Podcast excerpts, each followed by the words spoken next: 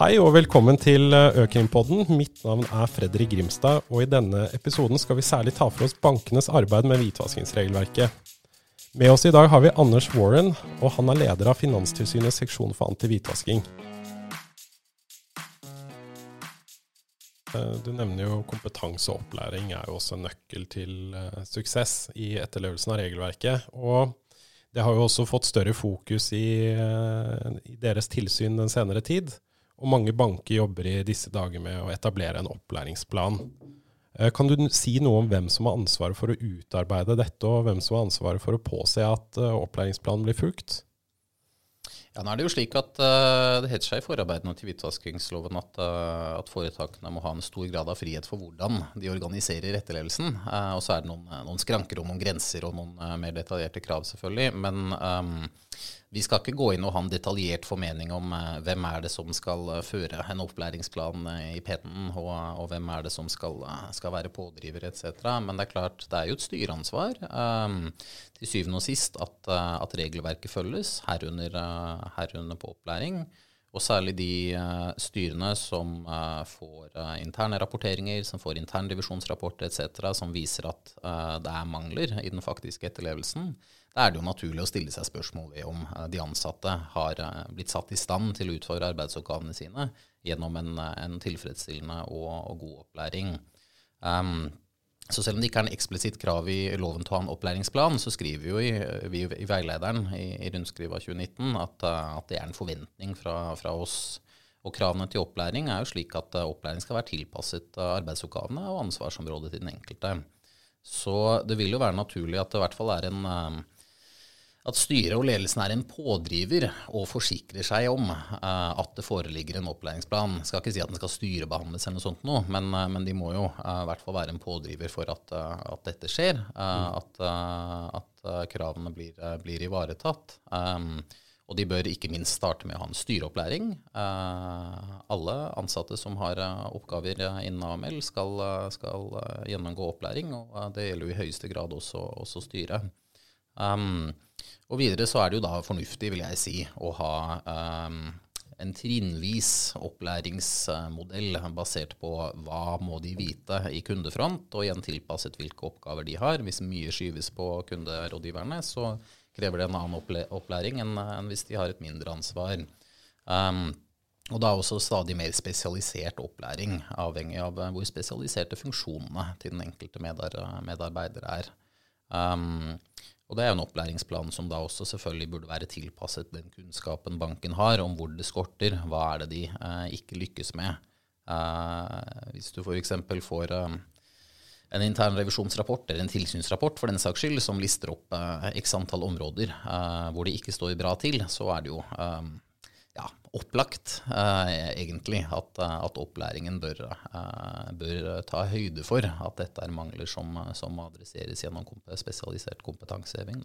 Mm.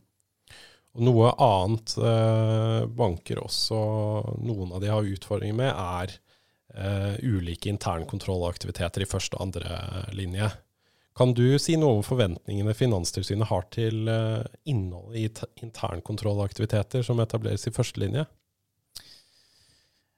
Jeg tror ikke at vi har um, uttrykt veldig detaljerte forventninger til det. Uh, det viktigste er jo at det er internkontroll. Uh, det er jo ofte, uh, eller for ofte i hvert fall, en mangel i seg selv. det er noen som tror at førstelinjen ikke trenger å, å gjennomføre internkontroll, og det, det, må de jo. Um, og det er jo da viktig også selvfølgelig at den um, er innrettet, i hvert fall til en viss grad risikobasert. Um, det er naturlig når man gjennomfører tiltak, eh, for den saks skyld opplæringstiltak eller andre ting, også gjennomføre kontroller etterpå for å se om tiltakene har eh, riktig effekt. Um, se at eh, for den saks skyld kundetiltakene og forsterkede kundetiltak gjennomføres riktig. Um, og så ser vi noen eksempler på at det ikke alltid eh, funnene fra de kontrollene egentlig kommuniseres på riktig måte, eller i hvert fall ikke høyt nok opp i organisasjonen. Eh, eller at de presenteres på en måte som eh, ikke gjør at ledelsen og styret på riktig måte kan forstå hva som er den faktiske situasjonen. Da. Så jeg tenker at det må være nok kontroller. de må være brede nok til at de, de rekker over de forskjellige områdene hvor, hvor banken har ulike forpliktelser. Um, og så må funnet uh, rett og slett uh, presenteres for, uh, for, riktig nivå, slik at man kan agere på, på funnene fra, fra kontrolltiltakene. Um, og Det er jo viktig funn også å mate inn i f.eks. risikovurderinger. Når man skal se på egen sårbarhet, så er det jo helt avgjørende å ha kunnskap om, om hvor man glipper, da, for å si det sånn. Og, og den kontrollvirksomheten skal, bør jo være et, et utmerket utgangspunkt for å, å, ha den kunnskapen og, og bruke den. Mm. Og jeg vet at mange som lytter til uh, dette, og nå som dere har erfaringer fra ganske betydelig tilsynspraksis, hvordan uh, hvordan blir tilsyn fra Finanstilsynet gjennomført i fremtiden?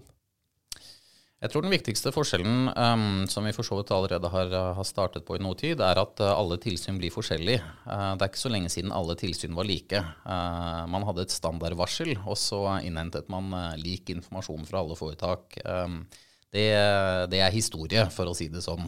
Det er for all del en del ting som, man, som vi alltid vil innhente eh, når det gjelder det sentrale rammeverket og, og systemer etc. Men um, vi prøver å jobbe mer og mer eh, risikobasert, og også i tråd med internasjonale uh, standarder, både fra FATF og fra, uh, fra, europeisk nivå. Og Det innebærer jo både at vi har en risikobasert utvelgelse av tilsynsenhetene, men også at vi forsøker å ha en hypotese, en oppfatning, en velbegrunnet uh, oppfatning sådan, om hva som er risikoene i hvert enkelt foretak. Og Det kan være enten sårbarheter ved den bestemte banken, som vi har kunnskap om, um, eller uh, at de driver inn her særlig store innen uh, visse typer bransjer, eller har bestemte produkter forbundet med høyere risiko etc. Og så vil vi da legge en større vekt av tilsynet på, på de risikofaktorene. Um, så det gjør at uh, hvis du får tilsyn et halvt år etter uh, nabobanken uh, litt lenger bort i, i, veien, så er det godt mulig at det tilsynet blir ganske forskjellig. og i hvert fall i stor grad fokuserer på forskjellige elementer. Um, og det vi også, um, Nå er det jo nylig kommet en, en guidance fra European Banking Authority som gjelder akkurat dette med risikobasert tilsyn, som vi er implementert i vår, eh, vår interne tilsynsmanual. Um, så der uh, vil vi også fortsette i oppfølgingen av bankene uh, etter tilsyn og uh, ha en, en bredspektret oppfølging, for å si det sånn. Hvor vi går fra alt fra å publisere en tilsynsrapport med noen eller mange kritiske merknader. Um, til å eh, utgi en rapport hvor vi også ber om rapportering etter x antall måneder eller et år, sånn at vi kan følge eh, forbedringsarbeidet etter tilsynet. At vi ikke slipper banken med en gang, for å si det sånn.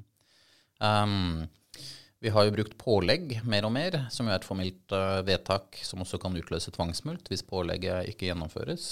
Um, og så da opp til uh, overtredelsesgebyr, som jo er uh, en av de strengeste reaksjonene vi uh, vi kan komme med, foruten å tilbakekalle konsesjon, som vi jo aldri har gjort på, på bankområdet. Um, vi har jo også en oppmerksomhet om um, det som også er for krav som, som følger uh, allerede eksisterende norsk regelverk, men også i, i økende grad fra um, veiledning på europeisk nivå, og, og ha en, um, en oppfatning av styrenes kompetanse. Um, og der uh, tror jeg det er viktig å, å, ha en fortsatt oppmerksomhet om at um, styrene tidvis ikke har gjort jobben sin. Um, det er vanskelig å være styremedlem i norske banker. Uh, det er mye, uh, veldig mye regulering, uh, bl.a. å ha oversikt over, i tillegg til selvfølgelig alt det kommersielle som, som må ivaretas. Men det er, eh, det er, stor forskjell på de bankene som har i hvert fall én person i styret som har en type compliance-bakgrunn, som har eh, forutsetninger for å stille de rette spørsmålene og, eh, og være en, en, pådriver, kontra de som ikke har noen styremedlemmer med, med den bakgrunnen. Og så har det jo lang tid i, i finansforetaksregelverket vært, vært, krav om at man skal ha, ikke bare være egnet som enkeltstyremedlem, men, men også ha et, et bredt sammensatt styre som, som du skal ha forutsetninger for å um, og, og, også bidra til en, en riktig etterlevelse på, på, en rekke forskjellige regulatoriske områder. Så um, Det er nok noe som vi kommer til å ha en økt oppmerksomhet om framover. Ikke det at vi skal